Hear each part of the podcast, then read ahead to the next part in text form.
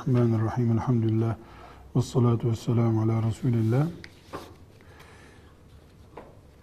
Hayız ve bağlantılı konularına devam ediyoruz. E, hayız deyince akla gelen e, en önemli konulardan birisi evli bayanın hayızlı günlerinde eşiyle ilişkisi hakkındadır. E, bunun için ne demişti? Kur'an ayeti Bakara suresinin 222. ayetiyle Allah e, nikahlı bir kadının nikahlı da olsa aybaşı halindeyken ya da lohusa halindeyken eşiyle cinsel ilişkisini kat'i bir şekilde haram etmişti. Kul huve eden fe'tezilun nisa'e fil mehidi buyurmuştu.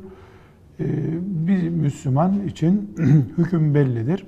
Fakat gerek e, müminlerin anneleri Ayşe annemiz ve diğerlerinden rivayet edilen ve gerekse ashab-ı kiramdan e, nakledilen e, bilgilerden e, iki konuyu aydınlatmamız gerekiyor.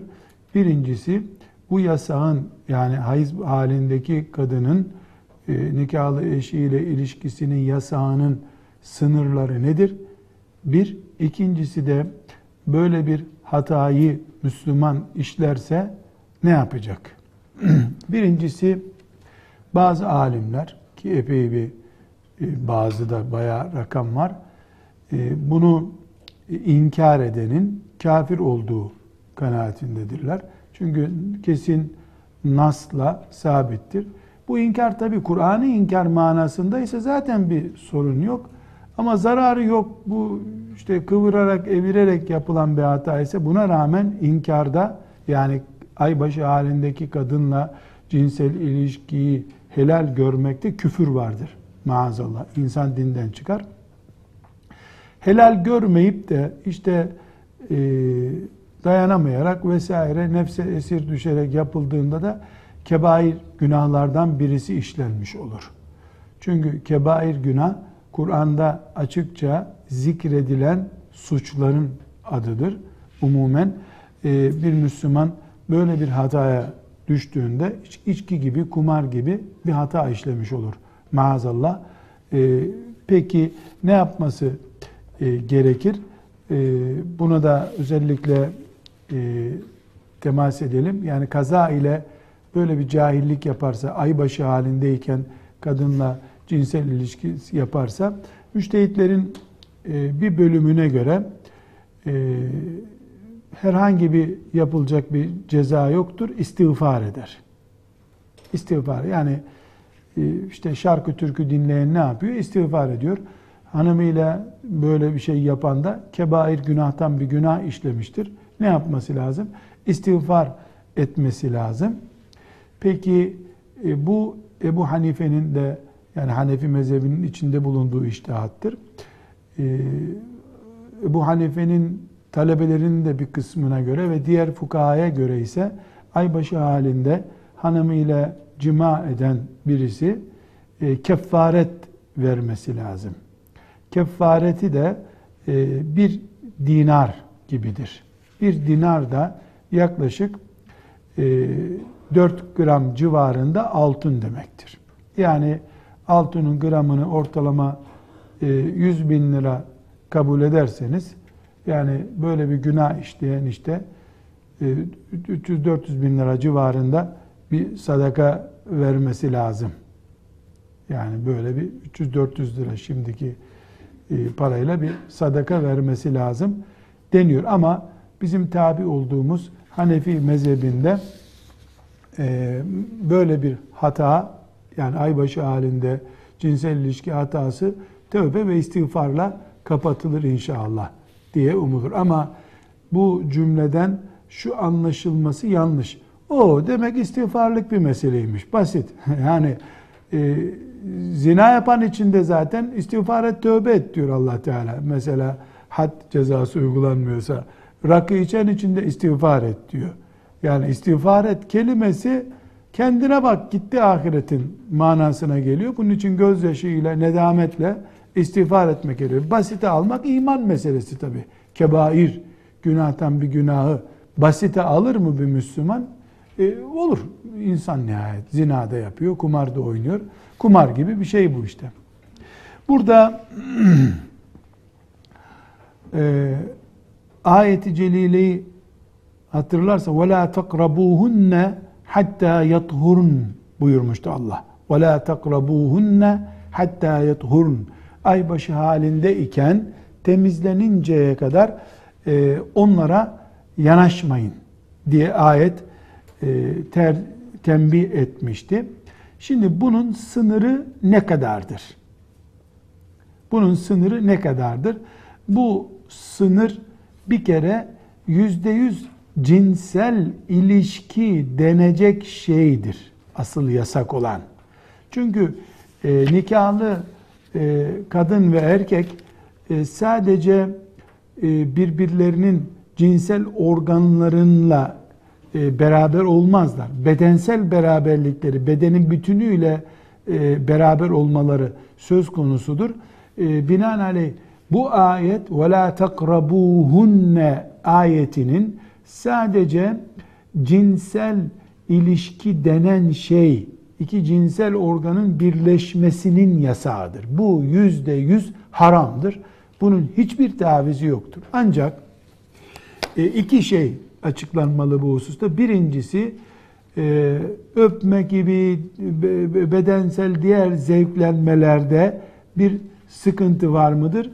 Hiçbir sıkıntı yoktur. Diğer alanda hiçbir sıkıntı yoktur. Bu konuda da icma vardır.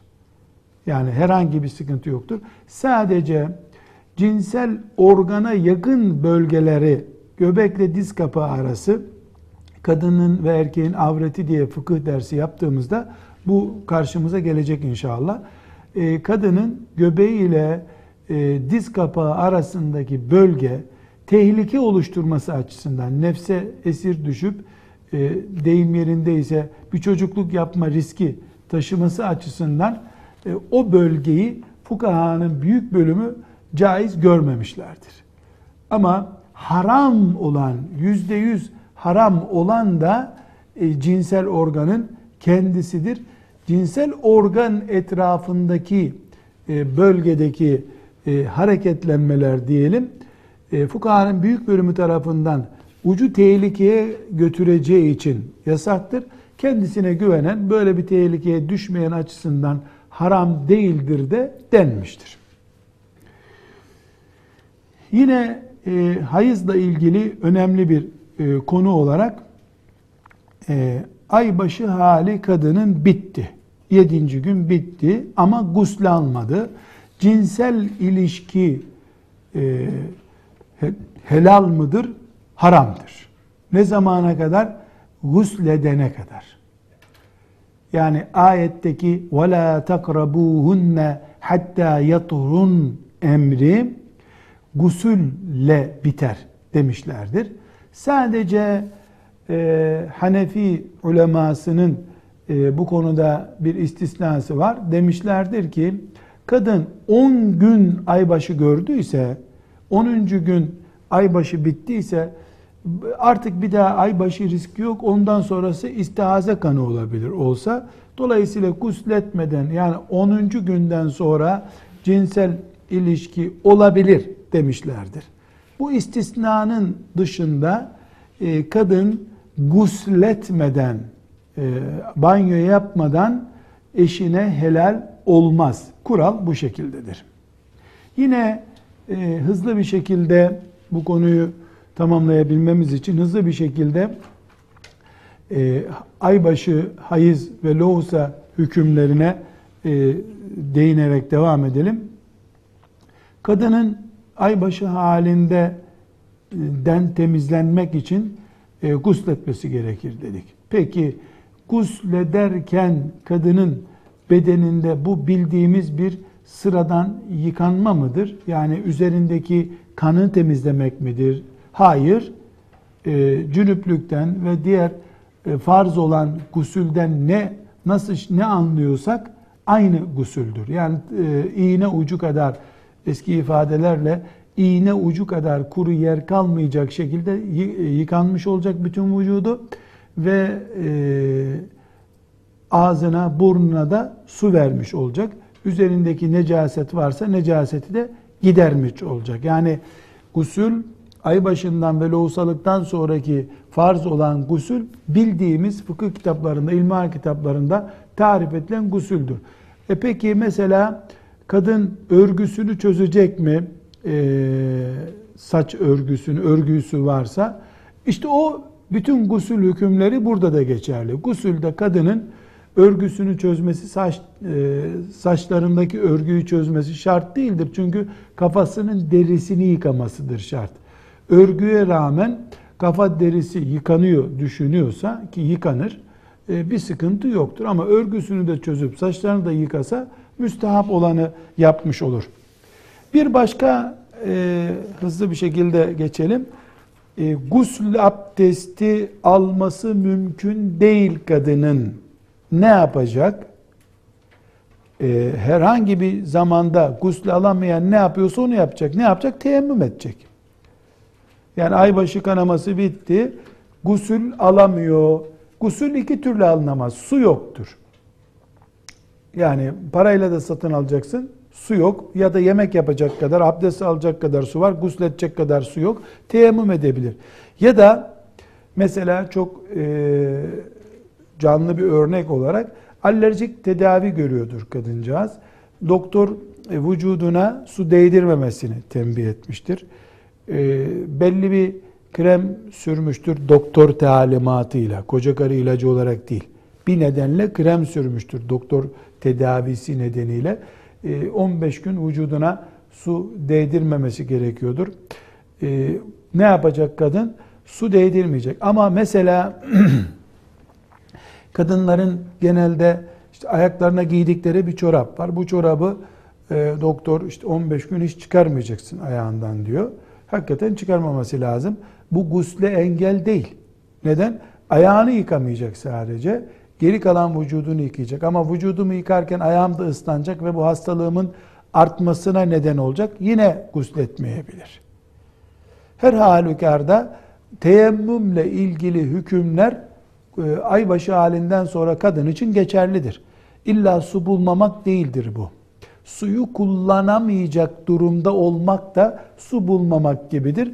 Kadın gusledemiyorum diye aybaşı halini devam ettirmez. E, teyemmüm e, Allah'ın ruhsatıdır. Teyemmümle ilgili fıkıh ilmihalden biliyordur tabi kabul ediyoruz. e, daha önce de değinmiştik. E, kadın e, vakti çıkmadan namazın temizlendi. E, bu kadın namazı ne yapacak? Mesela 20 dakika var.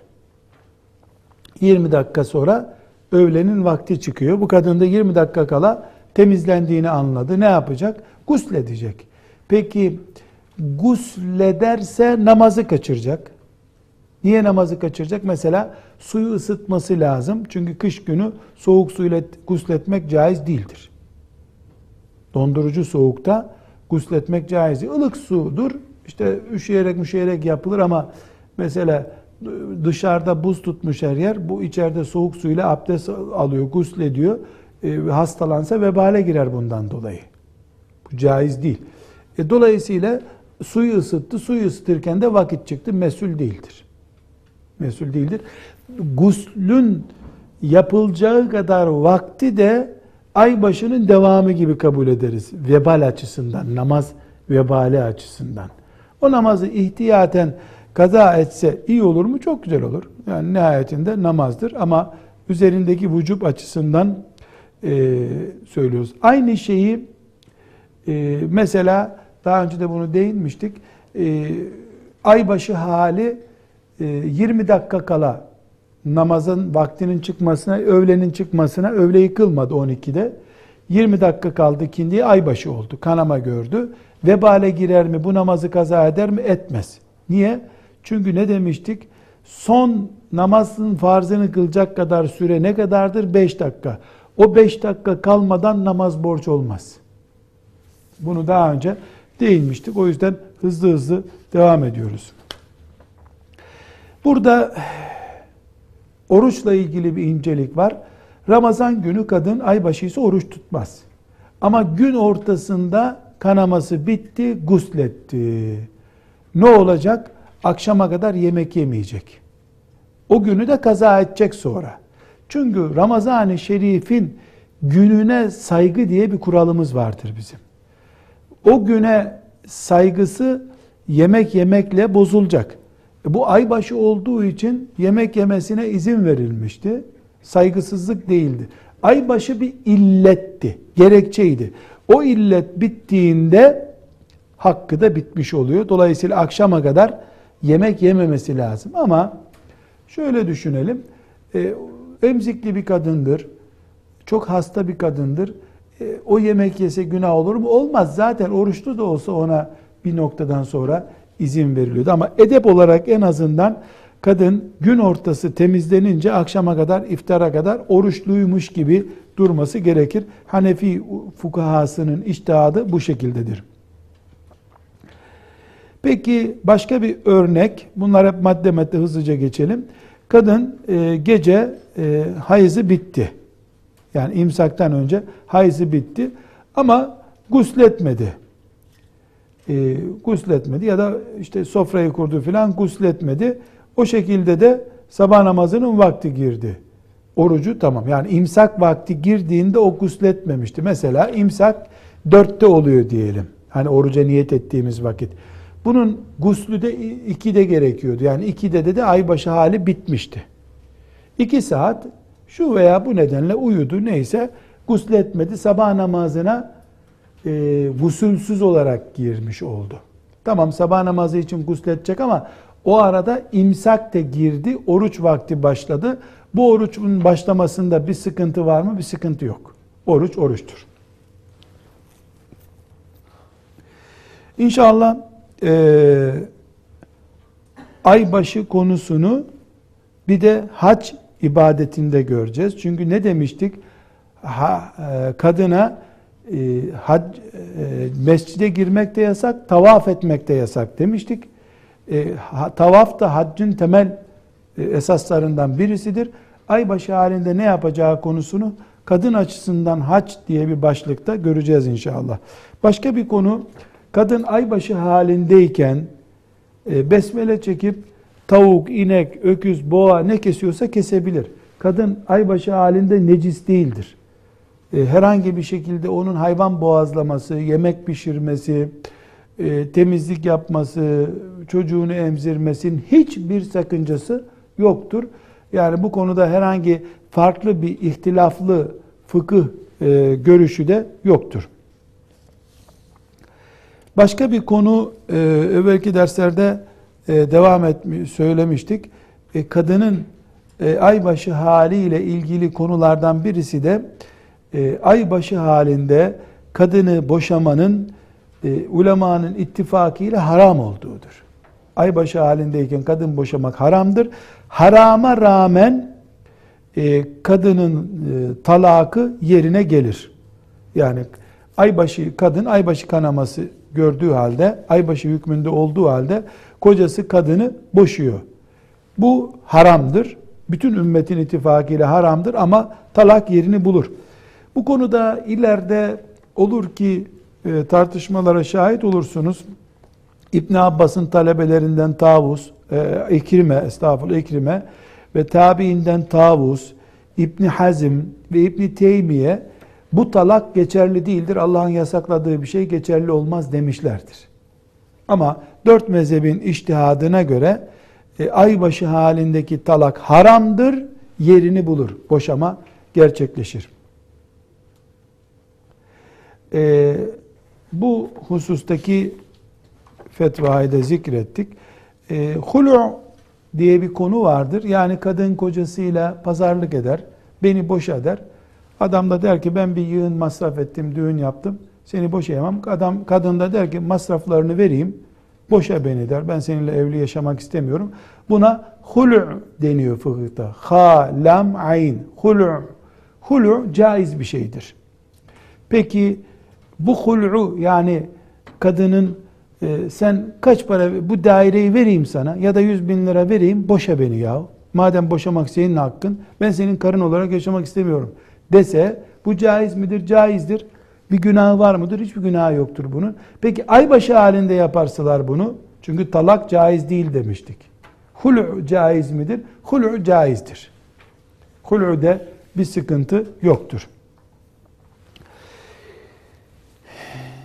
Burada e, bir konu daha var. Bu çok önemli.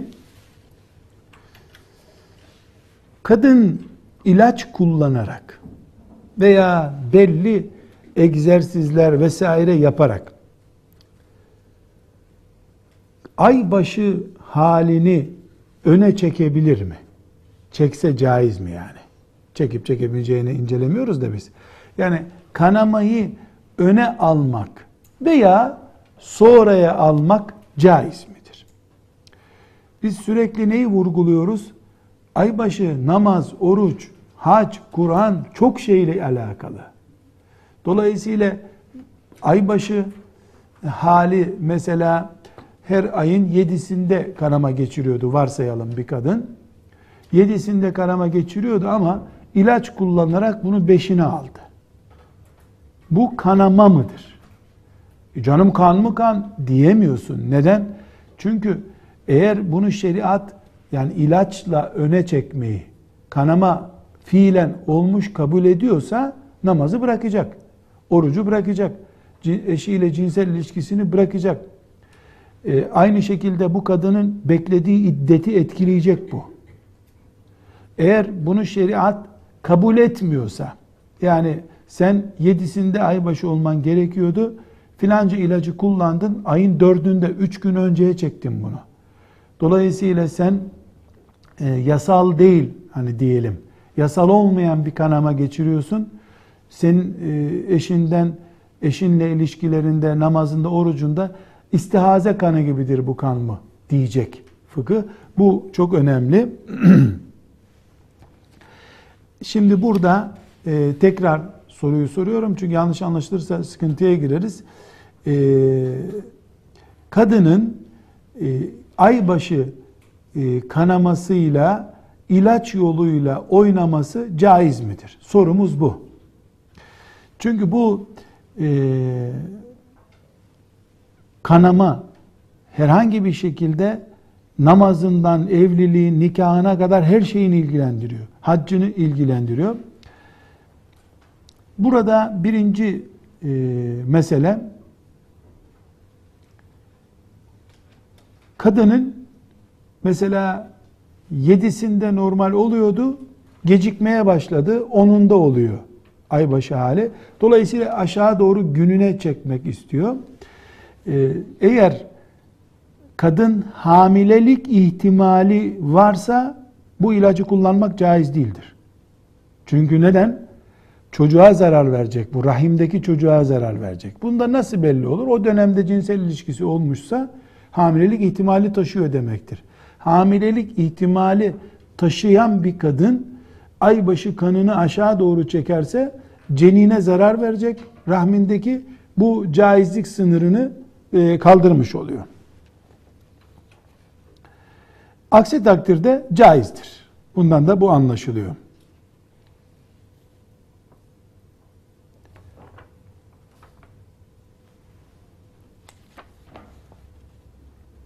Peki bilhassa hacca giden kadınlar, umreye giden kadınlar için önemli. Ve aynı şekilde Ramazan'da işte mukabele takip ediyorum gibi bir sebeple ay başısını geciktirmek isteyen kadınlarla ilgili e, ilaç kullanarak ay başını bir dönem ileri doğru atmak caiz mi? Bu soruda her şeyden önce şunu bileceğiz.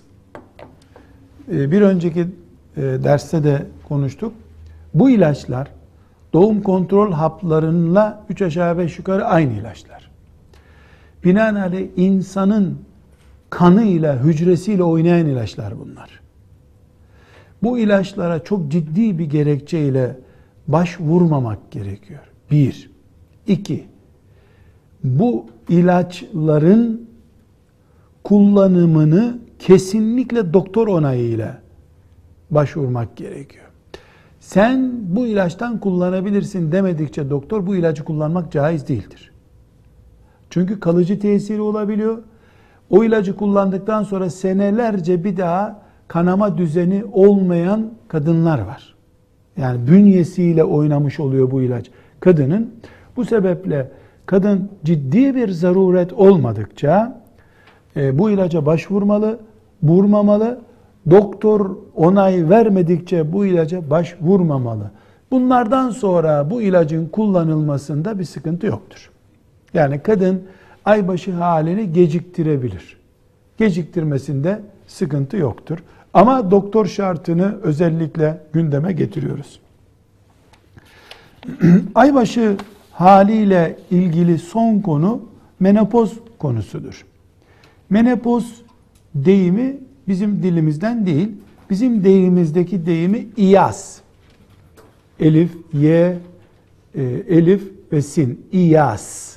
İlyas değil, iyas. E, iyas, kadının aybaşı halinin bitmesi demektir. E, İyas'ın bitmesiyle beraber bütün bu konuştuğumuz aybaşı vesaire sorunları da bitmiş oluyor. Dolayısıyla ciddi bir konu bu ve dolayısıyla dolayısıyla kadının doğal yapısında olağanüstü bir dönüşüm var. 40 e, sene, 50 sene her ay 10 gün, 5 gün kanamaya alışmış bir beden birdenbire bunu bırakacak. Kolay değil. Kadınların psikolojik açıdan da, sağlığın diğer versiyonları açısından da sorunlu günleri, hangi günler? Menopoza yaklaşma günleri.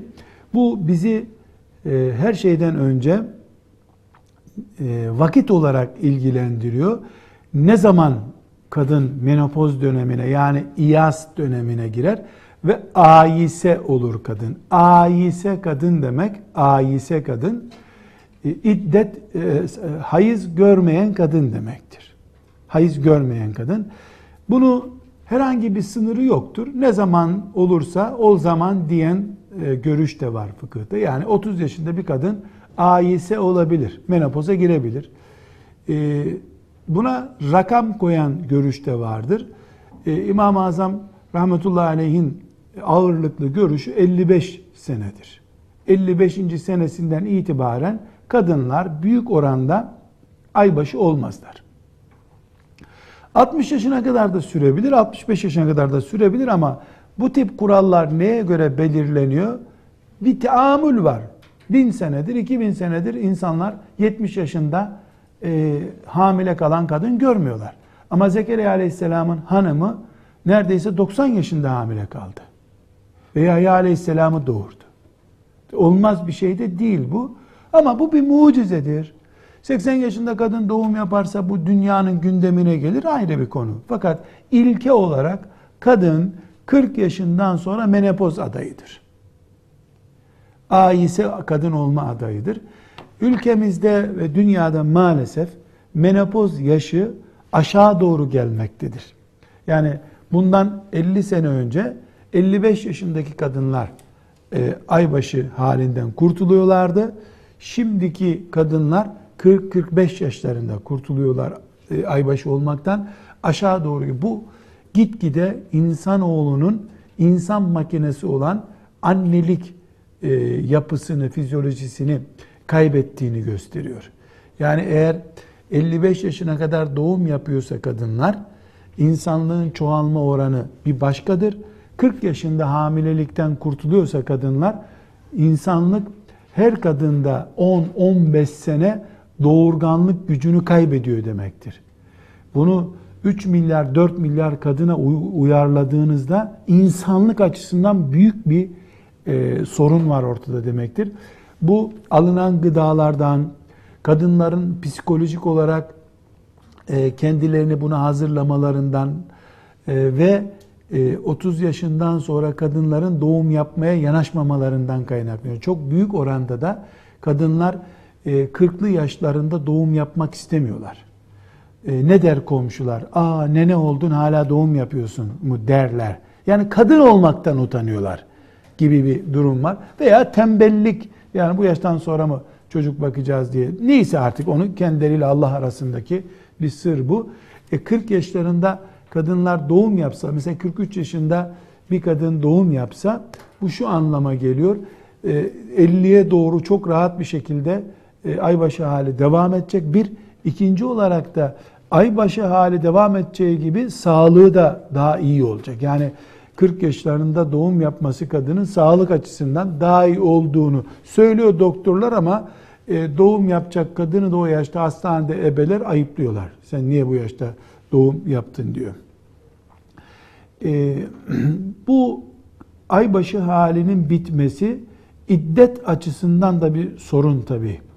Ee, ne açıdan sorun? Çünkü kadın boşandığında veya kocası e, onu e, boşadığında ya da kocası vefat ettiğinde beklemesi gereken bir iddet var. Bunun için ne demiştik? Üç hayız dönemi demiştik. Peki kadın menopoz dönemindeyse üç hayız dönemini nasıl bileceğiz? Kur'an-ı Kerim وَاللّٰئِ يَئِسْنَ مِنَ الْمَحِيضِ مِنْ نِسَائِكُمْ اِنْ اِرْتَبْتُمْ فَعِدَّتُهُنَّ سَلَاسَةُ eşhurin. Onların iddeti üç aydır diyor. Yani bunu da Talak suresinin ikinci ayetinde görüyoruz.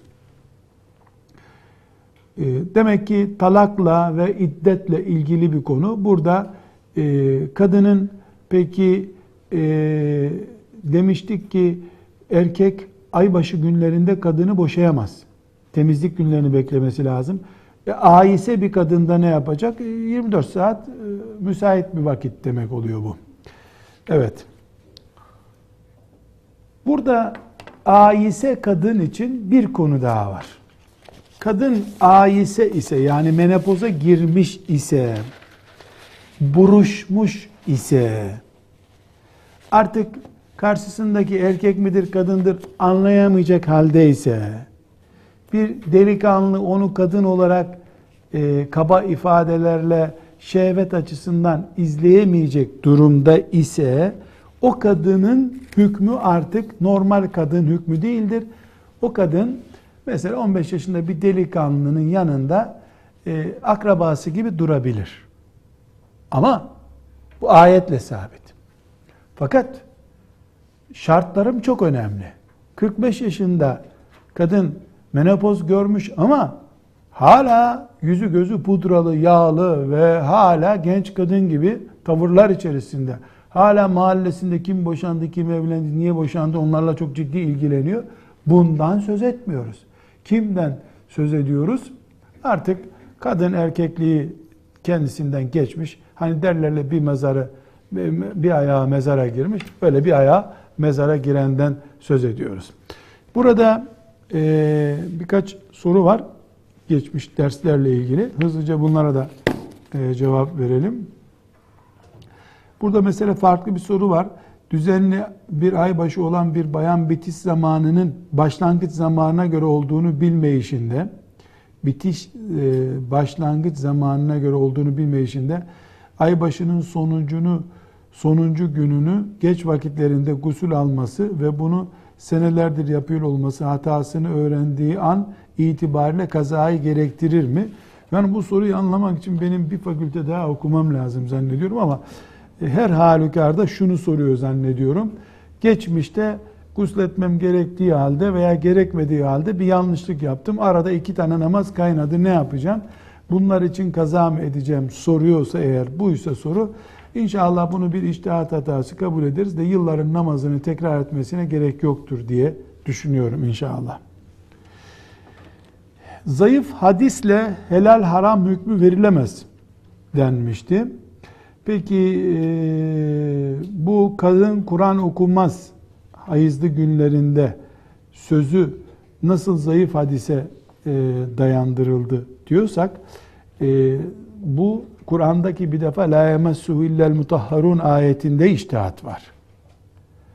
Bu e, la takra'u haizun ve la cunubun şey'en minel Kur'ane hadisi onun dayanağı olarak kullanılıyor.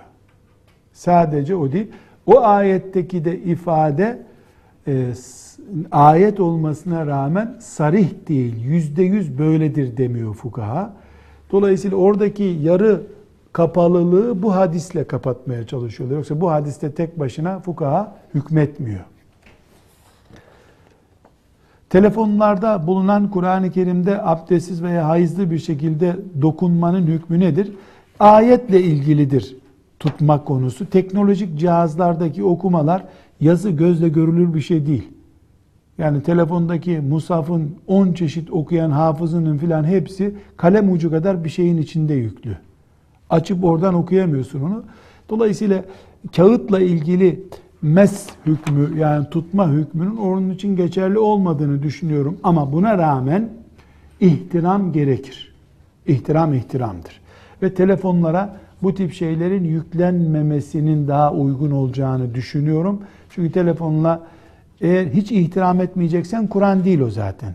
İhtiram edeceksen onunla tuvalete girmemen lazım.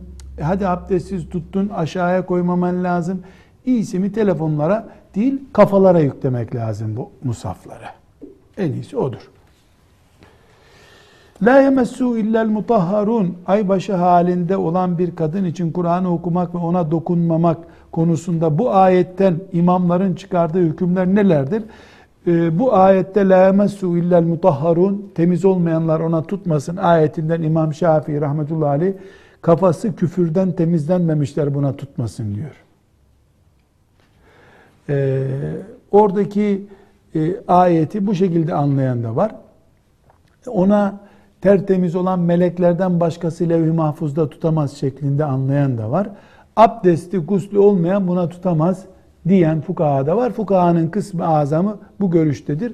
Biraz önce söylediğim gibi o had- Tirmizi'deki hadisi şeriflerde la tekra'u haizun ve la cunubun şey'en minel Kur'ane hadisi de birleştirilerek toplu bir hüküm çıkarılmış oluyor bundan.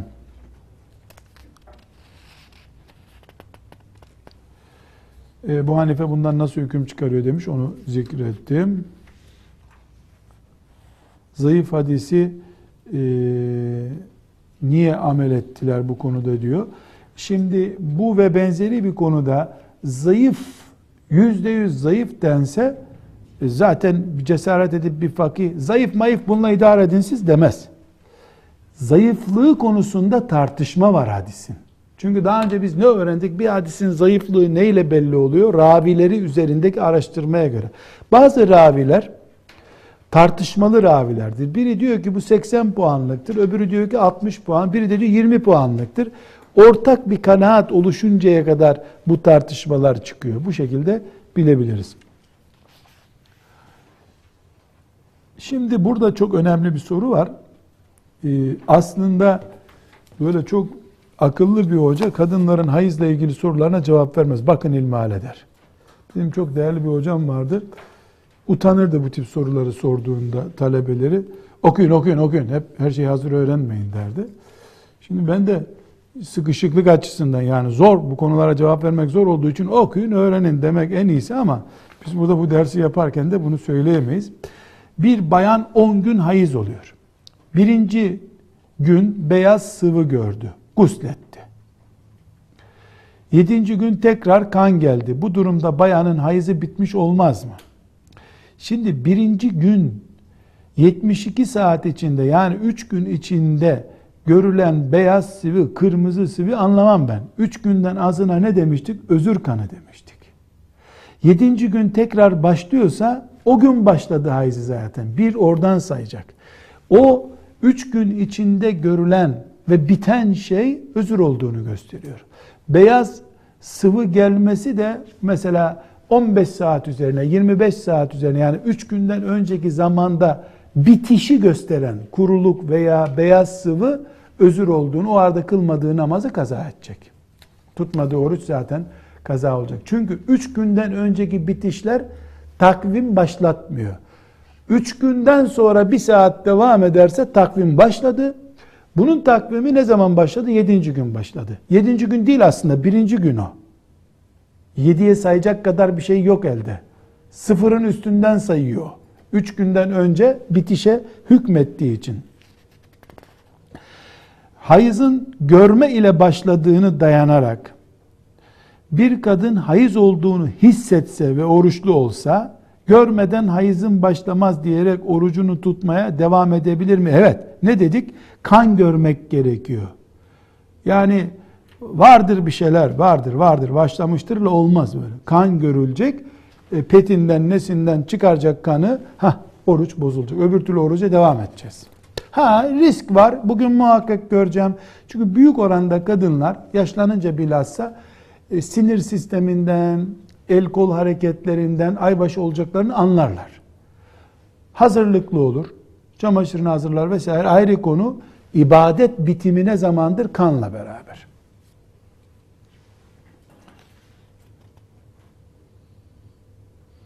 Adet süresi istikrarlı bir şekilde 7 gün olan bir kadın 9 gün adet görse bu özür sayılır mı? Biraz önceki derste ne konuştuk?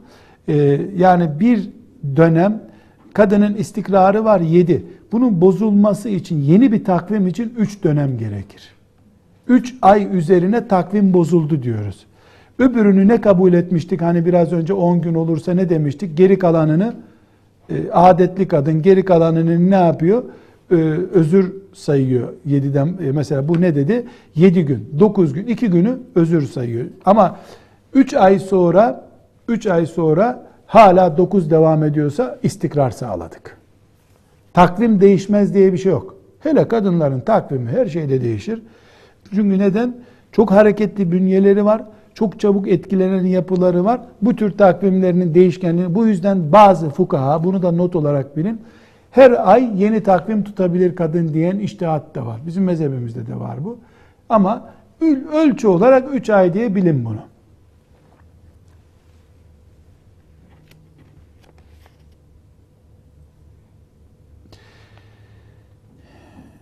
E, hayızı biten kadın cünüplü kişi gibi ibadetini kaçırmadığı sürece gusül almasa e, bu sakıncalı mıdır? Yani bunu anlayamadım ama her neyse hayızı biten, kanaması biten gusül alacak ikinci namaza kadar süresi var. Namaz vakti çıkınca haram işlemiş olur. Fakat bu soruyu tam anlayamadım. Böyle anlamış gibi bu şekilde cevap veriyorum. E, akıntının rutubet, kadın ifrazatları dersindeki bir soruymuş bu. Akıntının yani rutubetin abdesti bozmaması için kullanılan pamuk ve maddelerin zararlı olduğu söylenmekte. Bunu bilerek pamuk kullanmak kişiye vebal yükler mi? Bence yükler. Çünkü ben doktorlardan ısrarla soruyorum. E, pamuk kalıcı bir şekilde konmasını sağlık açısından tehlikeli buluyorlar. Doktorun tehlikeli dediği şeyi yapmak caiz değil. Erkeklerde de bu pamuğu tavsiye eden olur. Fıkhi boyutu yoktur bunun. Tıbbın caiz görmediği bir şey e, yani bu İslam düşmanlığından kaynaklanıp caiz görmüyor, uygun görmüyorlarsa ayrı bir konu. Ama tıbbın e, elindeki verilere göre bu insan sağlığı için zararlıdır dediği şeyi kabul etmeyiz. Edemeyiz. E, zaten yani kadının bilhassa e, rutubet gelmesin diye pamuk kullanması doğru değil. Rutubet zarar değil kadın için. Kadının doğal yapısında rutubet. Yani tükürüğüm gelmesin diye ağzını pamukla doldurması gibi bir şey herhalde bu. Yani benzetme biraz çok argo oldu. Yani ya da tıp açısından uygun olmadı ama ben öyle anlıyorum. Yani ağzını pamukla doldu. İkide bir tükürük mükürük insanın sallası geliyor. Böyle düşünmediği gibi fıtri bir olay bu. Ee, çok yoğun bir şekilde e, e, rutubeti olan kadın için zaten ne dedik? E, bunun temizliği konusunda bir sıkıntı yok. E, tahar abdesti bozma konusunda e, iştihat yapılabilir dedik. E, özür durumu da olabilir. O derse tekrar döndüğümüzde bunu rahat anlarız. E, rutubeti yani rutubetle ne kastedildiği belli. Abdesti bozması için asıl olan görmek midir? E, abdest alındıktan sonra hissedildiğinde abdest bozulur mu? Rutubet hissedilmez. O evhamdır. Rutubet çamaşırda veya el değdiğinde hissedilmelidir. Yani e, bir sıvılık nasıl hissedilir ki? O evham olur. Yellenmede de geçerlidir bu. Hadis-i şerifte Efendimiz ne buyuruyor? Şeytan sizin e, dübürünüzle yani kalçanızla oynar. Uh abdestim kaçtı, gaz kaçtı zannedersiniz. Ses ve koku duymadıkça abdestiniz bozulmamıştır, namazı bozmayın diyor. Ses ve koku yellenme için. Öbür türlü insan yellendim zanneder. Bir daha da öyle bir kere şeytana ipi verdin mi hiç bir daha seni e, yellenmekten kurtulamaz hale getirebilir.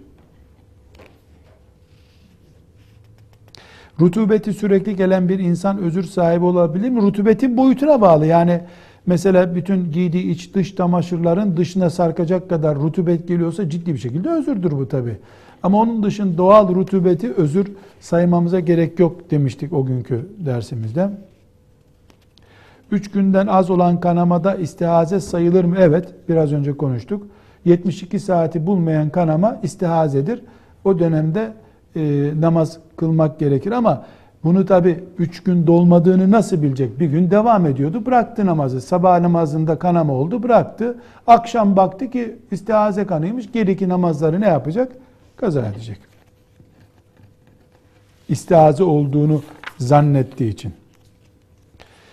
E, adet bitimi için mutlaka beyaz akıntıyı mı görmek gerekli? Sarı akıntı gelse bu hayızdan mı sayılır? Ne demiştik? Bulanıklık ve sarı akıntılar hayızdan sayılıyor. Hayız içindeyken. Hayız bittikten sonra da hiçbir hükmü yok. İdrar gibi sayılıyor. E, her kadın kendisine göre bir e, sistem belirler. Genelde kireç gibi olan beyaz akıntı e, ay başının bittiğini gösteren belgedir. Kuruluk da bir belgedir. Kuruluğun tespiti vesaire kadının kendi kararıyla ancak mümkündür. Bu yüzden işte ilk başlayan kadına kıza ne demişti? 10 artı 20, 10 artı 20, 10 artı 20 devam et demişti. Madem öğrenene kadar bir acemilik süresine müsaade ediliyor demektir. Kadının boşanan kadının iddet müddeti bitmeden evlenmesi caiz değildir. Doğru. Peki bu kadın buna rağmen evlenirse nikahı geçerli olur mu yoksa tamamen geçersiz mi sayılır ve bu zinaya girer mi? Yani kadın iddet bekler demiştik. Ee, kanunlarda da bu böyledir. Kanunlarda yani bu medeni denen kanunlarda da 100 gün bekleme süresi vardır. 100 günden önce evlenemez bir kadın. Ee, evlenmesi için gidip e, doktor raporu alması lazım hamile olmadığına dair. Bizim şeriatımızda ise ki göklerin şeriatıdır bu. Üç hayız dönemi iddet bekler kadın. Bu beklemeden önceki nikah batıldır. Yoktur yani. Böyle bir nikah olmaz. Ee, yapılan evlilikten doğan ilişki zina mıdır? Yani fıkıhta şöyle bir kaide vardır. Zina korkunç bir haram olduğu için evirik çevirik bir gerekçe bulunuyorsa ona zina deme işte zinanın yavrusu de gibi anlaşılacak bir sistem vardır. Buna zina demek ağzımızdan çıkmasın istiyoruz ama bu evlilik batıldır, yok hükmündedir. İddet süresince e, evlenildiği için. Böylece soruların 2-3 tanesi tekrardı, onları cevaplandırmadım. Böylece e, şeriatımızın önemli konularından, kadın açısından önemli konularından biri olan hayız, nifas, istihaze ve benzeri e, başlıklı konuları da e, kadın fıkı açısından bitirmiş olduk.